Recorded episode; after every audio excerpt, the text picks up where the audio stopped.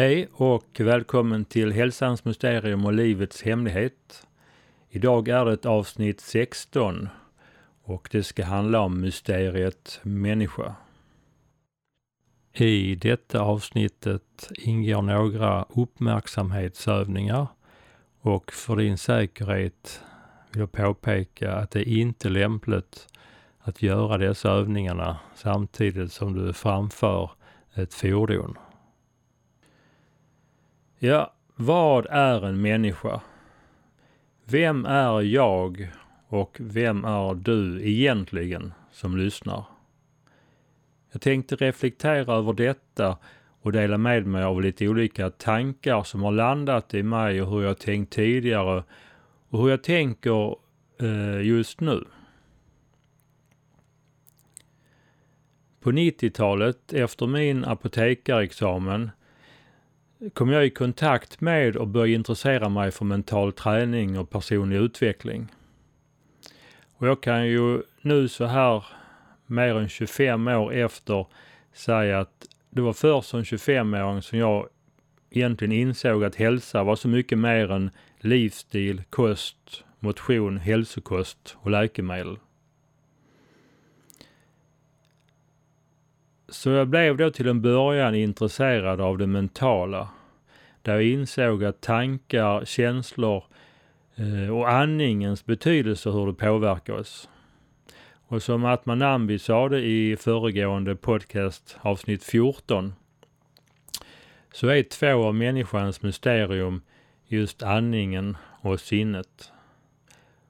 Och jag har haft med andningen som ett centralt tema under tre avsnitt, nämligen under avsnitt 10 till 12. Och nu ska det bli mer om sinnet och det existentiella. För jag har under min resa kommit mer och mer in på det existentiella och andliga spåret eftersom det har visat sig att allt hänger ihop. Och det finns något djupare som lockar mig i den här riktningen.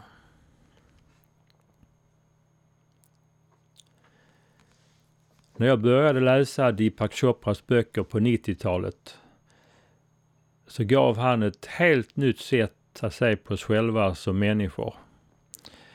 Eh, och där skrev han också om betydelsen av att ställa sig frågan till sig själv, vem är jag? Och många säger att det är den viktigaste frågan att ställa sig. Vad man menar med den frågan är ju inte att man är eh, en man, vilket kön man har, eller sitt namn eller nationalitet eller utbildning eller ålder. Jag förstod att det var något annat som man syftade på, men jag fick inte kläm på det. Men det var ändå ett lockande och intressant ämne. Eh, jo visst, jag är en man som heter Lars, jag är svensk, jag är gift, jag är 52 år, jag har en apotekarexamen och så vidare och så vidare. Men det är inte detta som är intressant i det här sammanhanget. Det är inte detta som jag menar med vem är jag? Så man skalar av allt detta, vad finns då kvar? Ja, när jag ställer den här frågan till många i min omgivning så är det många som inte förstår vad man egentligen menar. Inklusive mig själv under många år. Så vem är jag? Alltså, och vem är du som lyssnar? Vem är vi? Vad är en människa? Ja, det är detta jag tänkte prata mer om nu. Något som gjorde ett eh, bestående intryck på mig på min då väldigt materialistiska synsätt på 90-talet var att fundera över vad vi människor egentligen består av. Ett sätt att se på det är att ja, kroppen består ju av organ och kroppsdelar. Vi består av skelett, armar och ben. Vi har hjärta, lungor, lever, njure och så vidare. Hjärna, nerver och muskler. Men allt detta är ju uppbyggt av mer eller mindre olika komplexa strukturer. Men allt detta är i sin tur uppbyggt av olika mindre byggstenar som proteiner och molekyler. Och dessa i sin tur är uppbyggda av grundämnen, det vill säga atomer. Skulle man kremera vår kropp och analysera och se vad är vi uppbyggda av? Så är själva skelettet, organen, hjärnan, nerver, celler, hela kroppen uppbyggt av de här atomerna i våra grundämnen. Som till exempel kol, syre, väte, kalcium, fosfor, kväve, zink, järn och några till. Skulle jag gå till en form av bygghandel eller järnaffär och köpa de här grundämnena som vi är uppbyggda av eh, så skulle våra beståndsdelar inte kosta många tior. Så vårt materialistiska värde det är inte så högt. Deepak Chopra ställde också i en av böckerna jag läste en fråga om en sockerbit är intelligent. Och det kan tyckas vara en uh, märklig fråga. Men han menade på att en sockerbit är uppbyggt av en struktur med massa kol, väte och syratomer. I stort sett samma grundämne som bygger upp hela vår kropp med DNA och celler. Så finns det en intelligens i en sockerbit. En annan frågeställning som det här ledde fram till vid den tiden, det var ju också hur kan det bildas en levande människa av de här grundämnena och de här byggstenarna? Om jag till exempel skulle ta någon slags proteinfabrik och bygga ihop en kropp med de här atomerna. Om jag skulle lyckas göra det, skulle den här skapelsen bli levande av sig själv. Om vi leker med tanken att vi har en massa ja, legobitar, men byggbitar av olika sorter. Då anser jag att det är ganska naivt att tro att man med rätt komplexa sammansättning av det här på rätt sätt så skulle börja leva. Det måste behövas något mer. Eh, I filmen Frankenstein så byggde ju forskaren ihop en människa med olika likdelar men det behövdes någon form av energi från ett blixtnedslag för att få kroppen eh, med de här likdelarna levande. Men det är ändå intressant med den här frågan. Hur kan en stor grupp av olika atomer bli levande? För mig är det självklart att det måste finnas någon form av skapande och livsgivande energi och intelligens. Och det här är ett mysterium. Jag köpte inte och gör det fortfarande inte att en tillräckligt stor mängd av de här byggstenarna skulle kunna bli levande om de sätts ihop på ett speciellt sätt. Att en tillräckligt stor eller komplex struktur skulle kunna börja leva. Så att det behövs någonting mer. Så vid den här tiden så eh, kan man säga att jag övergav den här rent materialistiska synen eh, och började tro att det behövs någon form av intelligens och livsenergi som inte kommer från atomer eller molekylerna. Det måste finnas något annat och en annan förklaring. Även om jag inte visste vad det var för någonting. Dessutom så har ju också vetenskapen visat att de grundämnen som är uppbyggda av i sin tur består av ännu mindre byggstenar såsom atomkärnor och elektroner. Och ett tag i, i utvecklingen trodde man att atomkärnan var den minsta byggstenen i universum. Men som också senare visar att den i sin tur var uppbyggd av ännu mindre partiklar som i sin tur var uppbyggda av ännu mindre partiklar och nu har man kommit så långt att de här partiklarna till slut består inte av någonting annat än energi. Så våra kroppar är i slutändan uppbyggda av energi. Och bara det är väl också om någonting på ett sätt märkligt. Framförallt om man har en materialistisk eh, människosyn. En annan eh, sak jag hörde för många år sedan och som har gjort ett väldigt starkt intryck på mig. Det var att eh, Deepak Chopra intervjuades och där frågade journalisten vilket är den största missuppfattningen om människans natur? Han menade att det finns två helt olika sätt att se på mysteriet människan.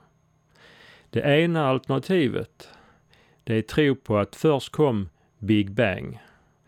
Då skapades ur den här explosionen eh, gasmoln och, och några enklare grundämnen och det bildades sen under utvecklingens gång mer och mer komplexa föreningar och molekyler och som på något mystiskt sätt utvecklades till organismer eh, och liv.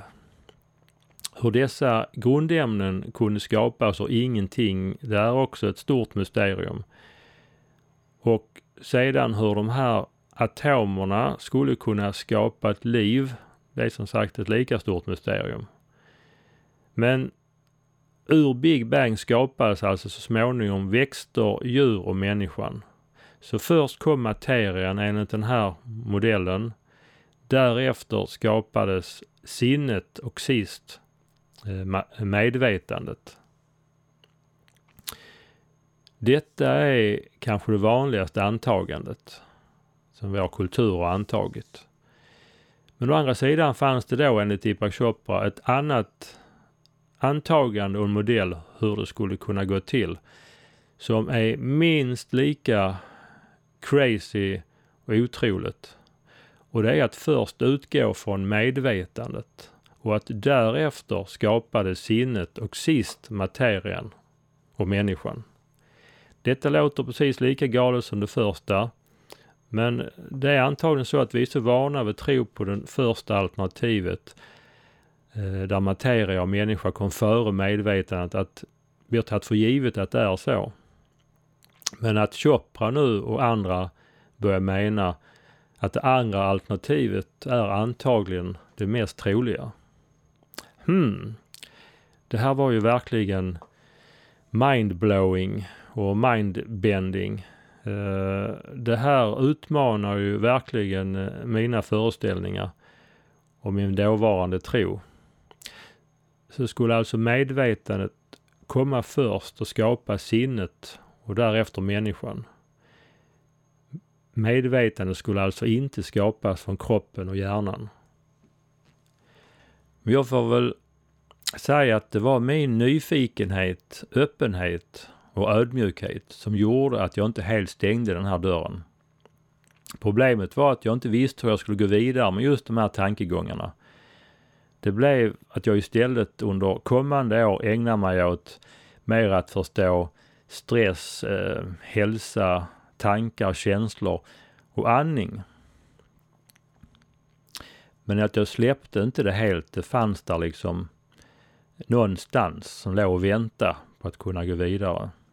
När man pratar om sig själv så uppfattar nog de flesta av oss sig själva som sin kropp och allt där innanför. Så jag tror nog att de flesta uppfattar alltså sig själva som sin kropp som en del av sitt jag. Och att jag, vad nu det än är, är alltså jag och min kropp. Jag och mina tankar, känslor. Och att allt annat som jag ser utanför mig själv är någonting annat. Men att man ändå uppfattar sig själv som någonting. Och om vi nu ska intressera oss för mysteriet människan så kan det ju verka logiskt att vi riktar vår uppmärksamhet åt oss själva, alltså inåt. Och vad upptäcker vi då? Eftersom det verkar svårt att veta vad vi egentligen är, så låt oss börja med vad vi inte är och vad vi själva kan utforska och uppleva. Jag är ju precis som jag sa tidigare inte mitt namn, kön, nationalitet, yrke eller ålder. Eh, men vi ska titta närmare på vad vi inte är framförallt. Vi kan börja med att rikta vår uppmärksamhet mot någonting utanför oss, till exempel en blomma eller himlen, så rikta din uppmärksamhet på någonting utanför dig själv som du kan titta på. Spelar ingen roll vad det är.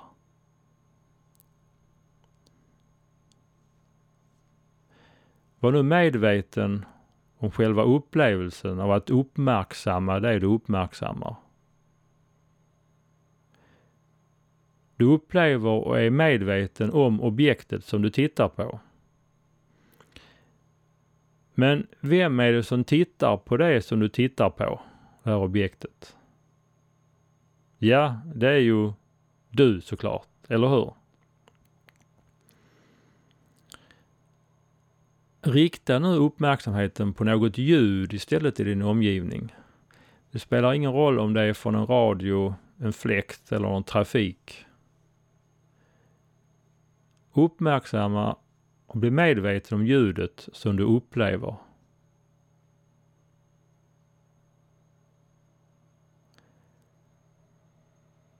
Vem är det som upplever ljudet?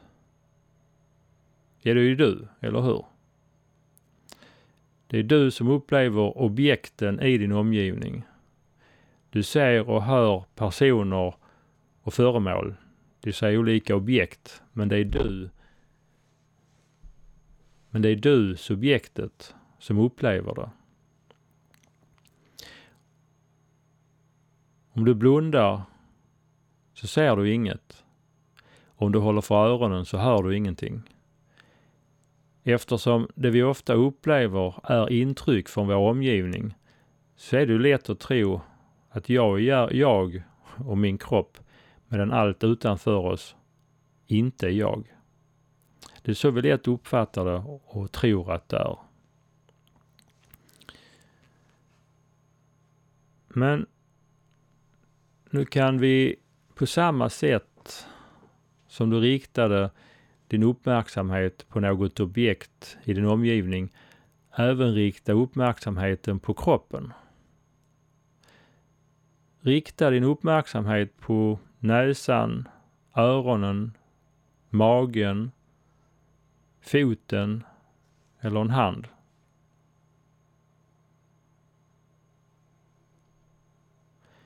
Du upplever ju den kroppsdel som du riktar din uppmärksamhet på.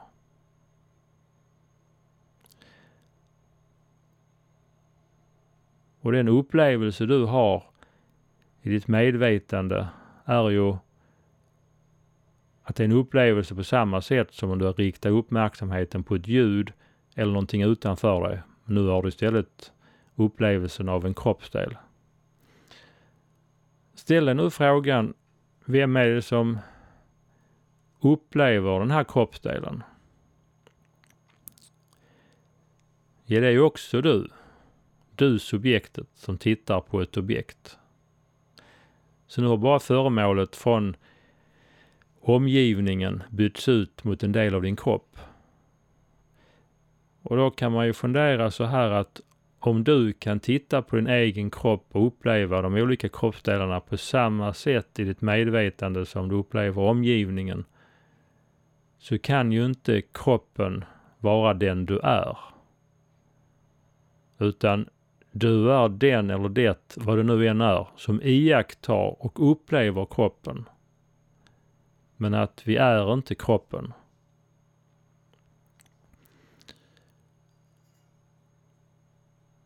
Om någon av oss skulle bli blind eller döv, skulle vi då inte fortfarande vara samma person men utan syn eller hörsel? Vi skulle uppfatta vår omgivning på ett annat sätt. Men vi skulle vara samma person, samma jag. Så då kan ju till exempel inte öronen och ögonen vara den vi är. Om vi skulle råka ut för en hemsk olycka och bli av med våra armar och ben så skulle det naturligtvis påverka vårt liv. Men nog skulle vi vara samma person för övrigt, samma jag. Den du är, vad du nu än är.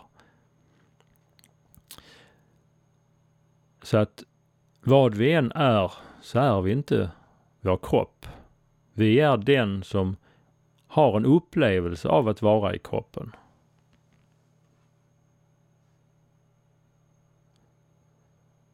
Och hur är det med våra känslor? Ja, vi kan ju rikta vår uppmärksamhet på känslorna i vår kropp. Så upplev nu någon känsla i din kropp.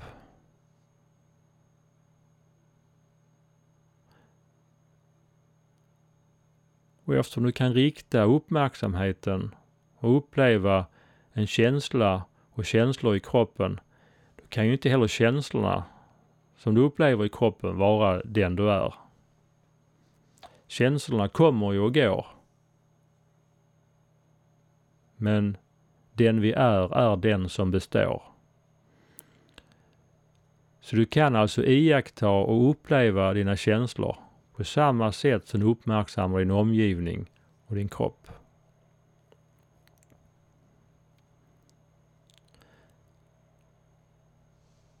Nu kan du istället rikta uppmärksamheten inåt igen och bli medveten om några tankar.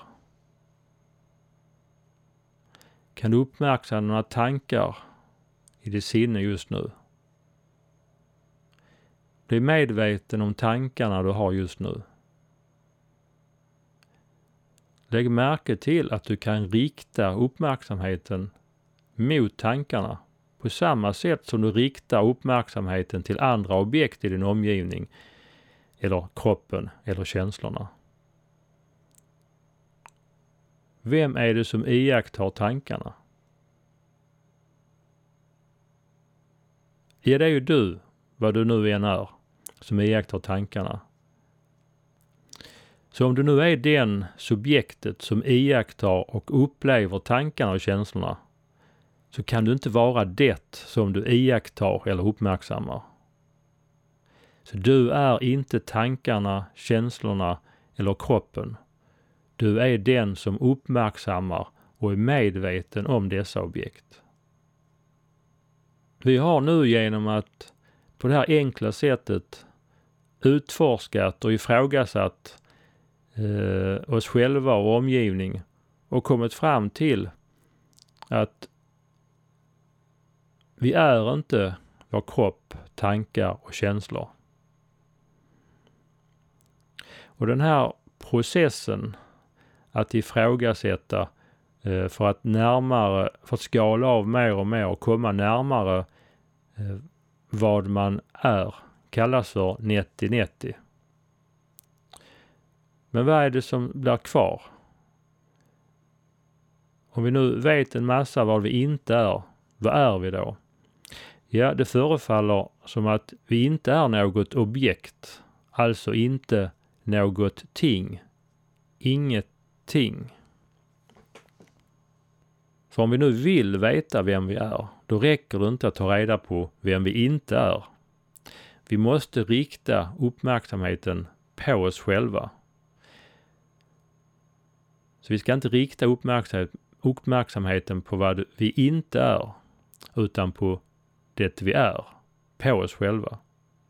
Så rikta nu uppmärksamheten på samma sätt som du just har riktat uppmärksamheten på din omgivning, på din kropp, någon kroppsdel, dina känslor och dina tankar. Rikta nu uppmärksamheten på samma sätt på dig själv istället.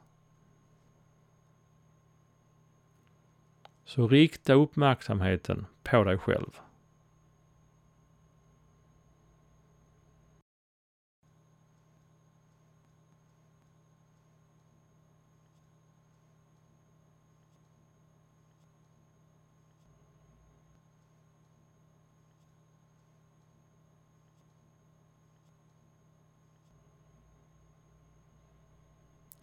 Ja, det var väl inte så lätt. För vi kommer att märka att vi kan inte rikta uppmärksamheten på samma sätt på oss själva som vi riktar uppmärksamheten mot ett objekt. Det kan liknas med att solen kan inte lysa på sig själv. För du är ju den som iakttar själva subjektet och det kan endast riktat mot, riktas mot ett objekt, något annat än sig själv. Och jag var och lyssnade och träffade Rupert Spira i Köpenhamn för eh, två veckor sedan. Och eh, det är mycket av hans tankegångar som har eh, börjat landa hos mig. Och han säger bland annat att säg till en person som sitter ner att resa sig upp och ta ett steg mot sig själv. Det går inte. Den vi är, är inget objekt. Därför kan vi inte rikta vår uppmärksamhet på den på det sättet. Och detta första steg i att upptäcka vad vi inte är. Att vi inte är våra tankar, känslor eller kropp. Det är ett första och viktiga steg. Men det är inte det sista. Det finns många som menar att de flesta människor som lider idag, de gör det för att de inte vet vem de egentligen är. De tror att vi är våra tankar och det vi upplever vilket leder till att vi är identifierade med våra tankar och upplevelser. Vi blandar alltså ihop den som vet med det vi vet. Vi blandar ihop den som ser med det vi ser. Men vi är ju den som vet och den som ser, inte det vi vet och det vi ser. Och här har Rupert Spira en förklaringsmodell för just det här som jag tycker eh, är tydlig. Eh, han förklarar just det här med uppmärksamheten och det här vem vi inte är så här att föreställ dig att du sitter och tittar på en tv-skärm som är avslagen.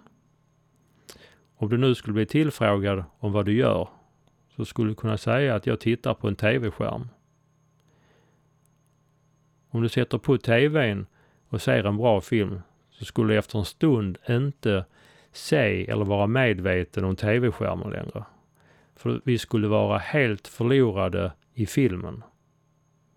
Om du skulle bli rädd av det som utspelar sig i handlingen i filmen så skulle det bero på att du glömt bort att det är just en film du tittar på och lever dig in i handlingen.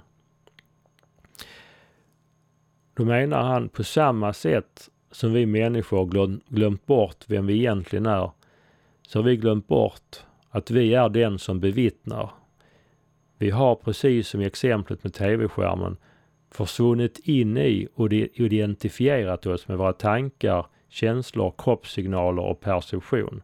Så att allt det som vi upplever genom alla våra sinnen och sinne har, blivit, har vi blivit ihopblandade med. Så istället för att vara den som är medveten och uppmärksam om allt som händer så har vi förlorat oss i det.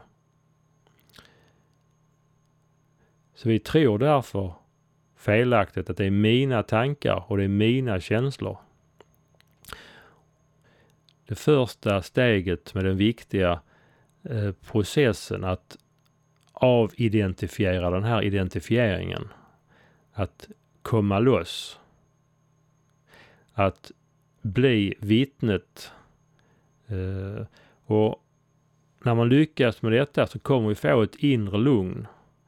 Och man kan säga att detta är själva grunden för meditationen. Att få in en kil här så vi kan avidentifiera oss.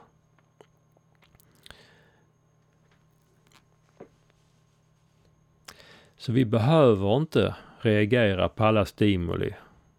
Lika lite som luften Eh, behöver reagera på en boll som kastas genom den. TV-skärmen som visar en film bryr sig inte om om det är ett barnprogram, en komedi eller en rysare. Eh, jag insåg när jag ägnade mig åt stress och stressforskning eh, att perception is everything. Alltså det som är det viktiga det är hur vi tolkar och uppfattar saker som händer och sker. Det är alltså hur man tar det som är viktigt och som avgör vår reaktion. Ett eh, av mina favorituttryck är fortfarande att du kan inte hindra sorgens fåglar från att flyga över ditt huvud, men du kan hindra dem från att bygga bo. Och det är mycket i vår omgivning som vi inte kan påverka. Så vi kan inte hindra fåglarna från att flyga över vårt huvud, men hur hindra dem från att bygga bo? Ja, i den mentala träningen och personliga utvecklingen så har det mycket hetat att ändra din attityd. Eh, det handlar väldigt mycket om attitydförändring och ett av verktygen har ju varit självhypnos. Eh, man säger också att vi ska inte döma, sätt inga etiketter. Vi ska acceptera och gilla läget. Jag kommer ihåg på 90-talet när jag började jobba efter utbildningen att det cirkulerade olika sådana här fax och det var framförallt två stycken av de här som jag kommer ihåg tydligt. Det ena var en bild med en man som eh, hade fastnat i en eh, råttfälla med foten och så stod där foten i kläm, jajamän. Eh, och det andra var ju eh, en mus som satt fast i en musfälla som säger det är i alla fall tur att kattfan inte är här. Så det här att man hade insett det här med positivt tänkande, hur viktigt det var med vår attityd och inställning. Så vi skulle inte döma. Vi ska inte sätta några etiketter. Vi ska acceptera och gilla läget. Man kan också sammanfatta det med att negativa känslor såsom oro, nedstämdhet, irritation, besvikelse, svartsjuka, avundsjuka kommer av att vi inte accepterar det som händer eller att det som vi vill ska hända inte händer. Alltså en brist på acceptans. Och det som är så intressant att se är att många inom det psykologiska fältet eh, där det finns många tekniker där man jobbar med att bli accepterande och icke dömande är att man jobbar fortfarande mycket med att påverka hur vi tänker. Alltså, vi ska jobba med sinnet. Men vad som framgår utifrån den här eh, nya angreppssättet, nya förståelsen av vem vi är som människa, så är det inget mindjobb så kallat. Så den här kraftfulla lösningen på detta är att det är inget jobb som ska göras. Det är inget tänkande som ska göras. Utan den kraftfulla lösningen är att vi ska vara den vi är. Och det som är så häftigt är alltså när vi upptäcker vem vi egentligen är och frigör oss, lösgör oss från sinnet och är, som man kan uttrycka, vår sanna natur. Då är vi som en automatik i detta. När vi är medvetna och närvarande, då är man accepterande, om vi nu ska använda det uttrycket. Precis som tv-skärmen, den dömer inte innehållet i filmen. Den bara... Så på ett sätt känns det fel att både använda sig av ord som att man inte dömer och inte accepterar utan man bara är. Och när man bara är så, så blir saker som det är. Så detta är rätt häftigt att upptäcka att hemligheten är inte att lära sig att tänka på något speciellt sätt. Utan det löser sig själv automatiskt när du är dig själv. Det vill säga är närvarande och medveten. Och enligt Rupert Spira så är vi själva medvetenheten. Det är vår sanna natur. Och vi kan inte uppmärksamma oss själva som vi uppmärksammar ett objekt. Men vi kan uppleva oss själva som ett varande, en närvaro.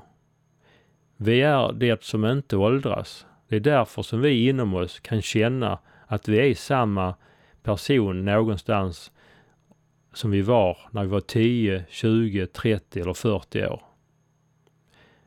Vi kan uppleva oss själva i tystnaden, mellan två tankar och i full närvaro. Och när vi upplever oss själva som ren medvetenhet, som rent varande och närvaro, så är vi själva lugnet, lyckan, kärleken. Och det är ju just detta som också Dalai Lama hänvisar till när han skiljer mellan yttre och inre lycka. Den inre lyckan är inte beroende av någonting i det yttre, någonting som ska hända eller ske. Utan det är ett varande. Så vi upplever en form av lycka, inre lycka, genom att bara tillåta allting att vara precis som det är från ögonblick till ögonblick. Vi behöver alltså inte göra någonting för att vara lyckliga egentligen. Ja, det finns mycket, mycket mer att säga om detta och förtydliga. Men någonstans handlar det också om att man måste jobba med det här och, och, testa det här och skaffa sig egna erfarenheter. Detta är någonting som alla människor själva kan erfara. Detta är ingen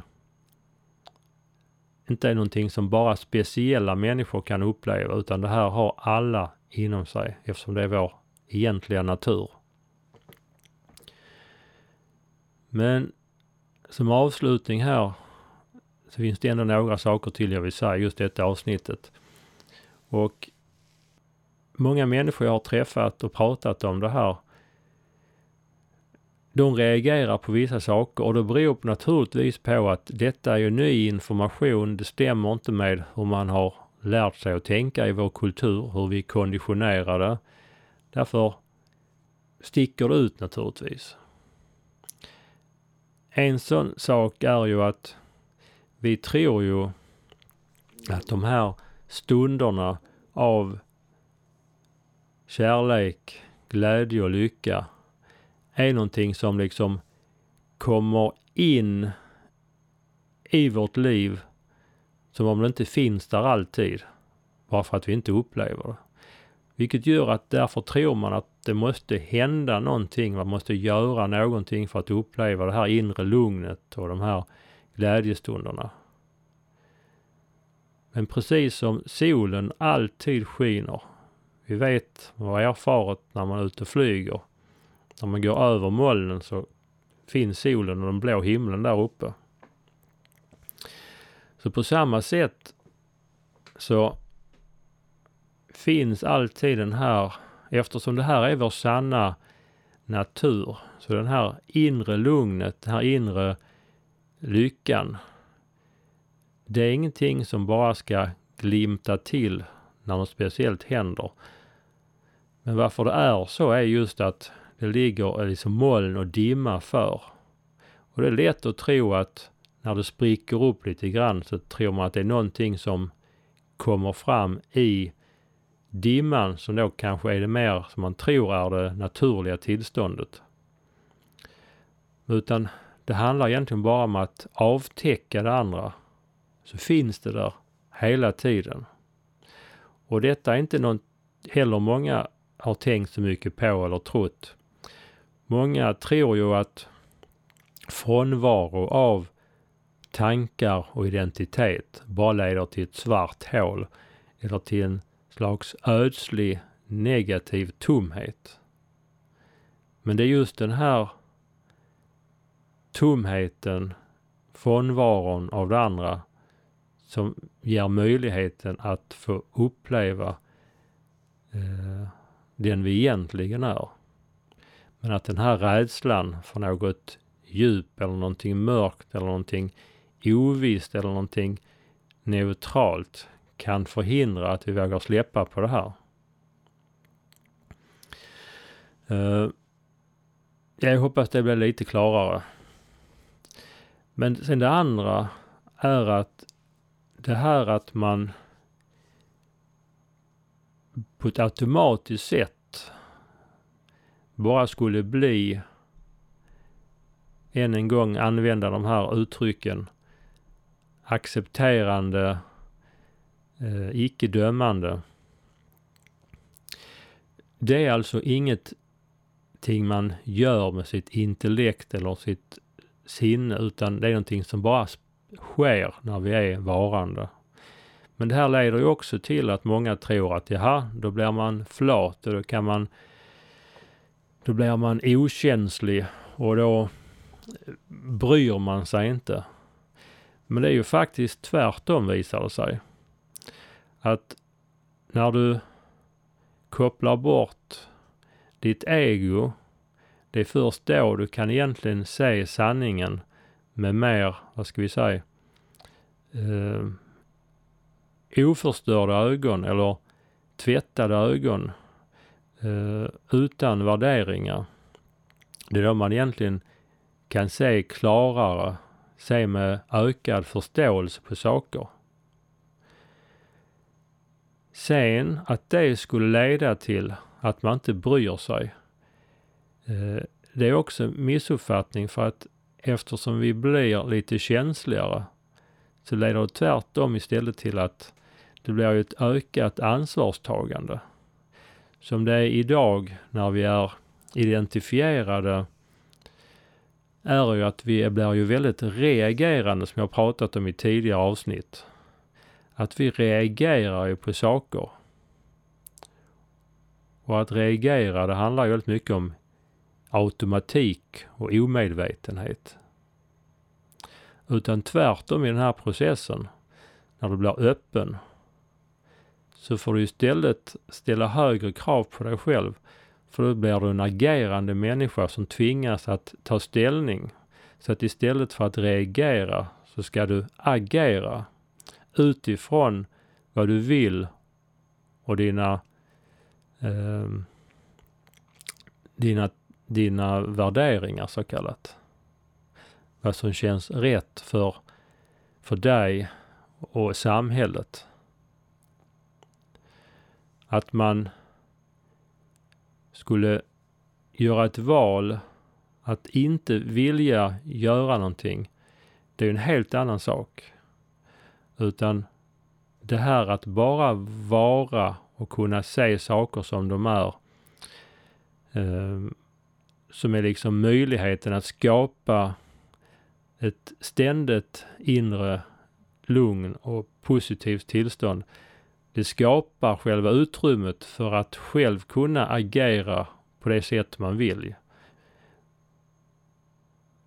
Men det är inte samma sak som att man inte bryr sig eller att man inte gör någonting.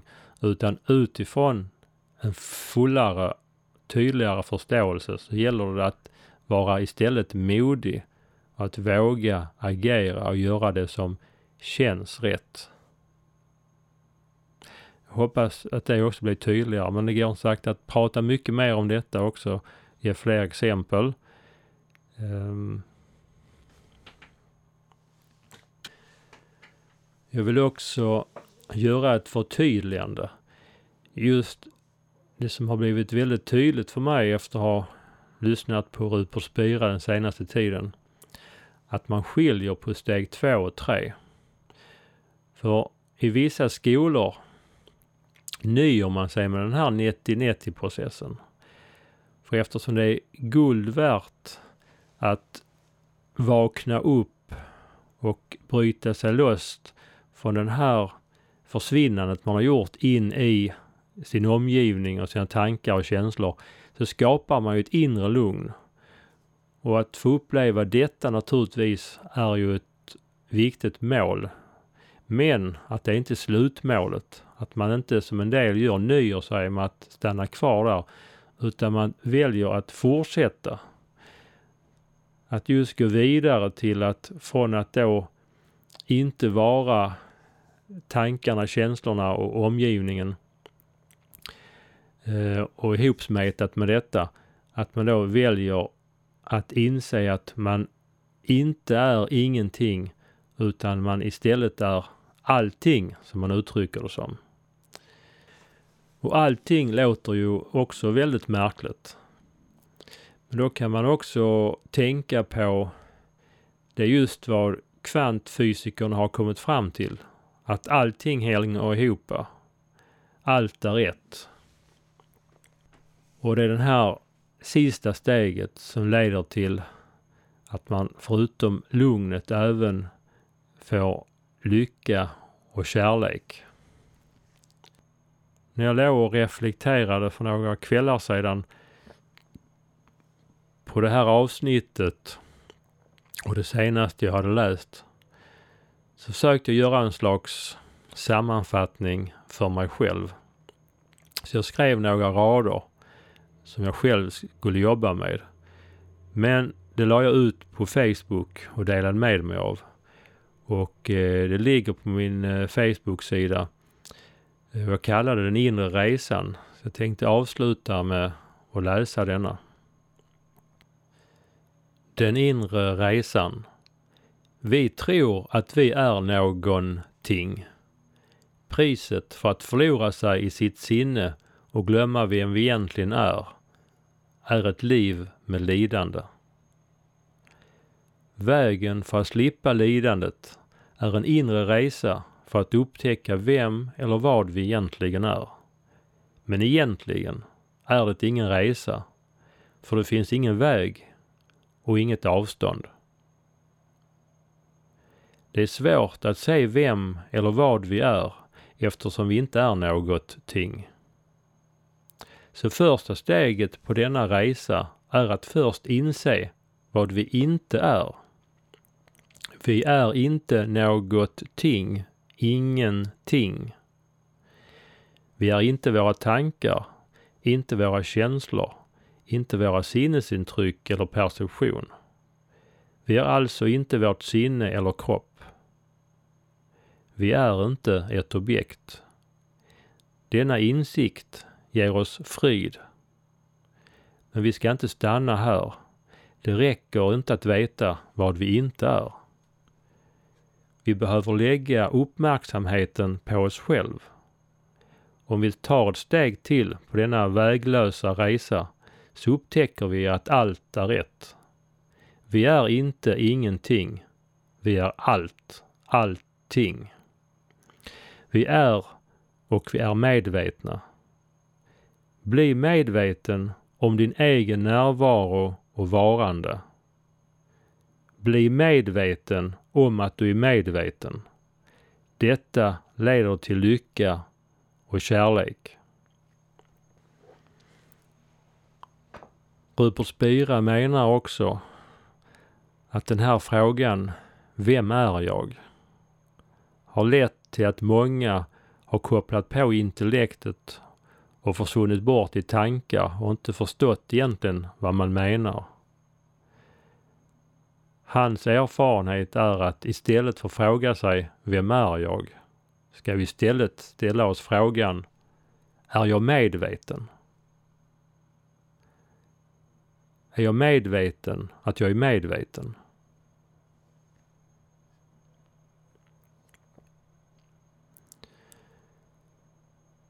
Jag vill passa på att tipsa om den 20 minuters övning som jag la upp i föregående avsnitt som heter objektlös träning som blir en träning och tillämpning i just detta synsättet. Och om du finner denna podcast inspirerande och tankeväckande så dela med dig. Precis som jag försöker dela med mig till dig som lyssnar nu Dela gärna vidare min hemsida amixe.se till dina vänner och nätverk.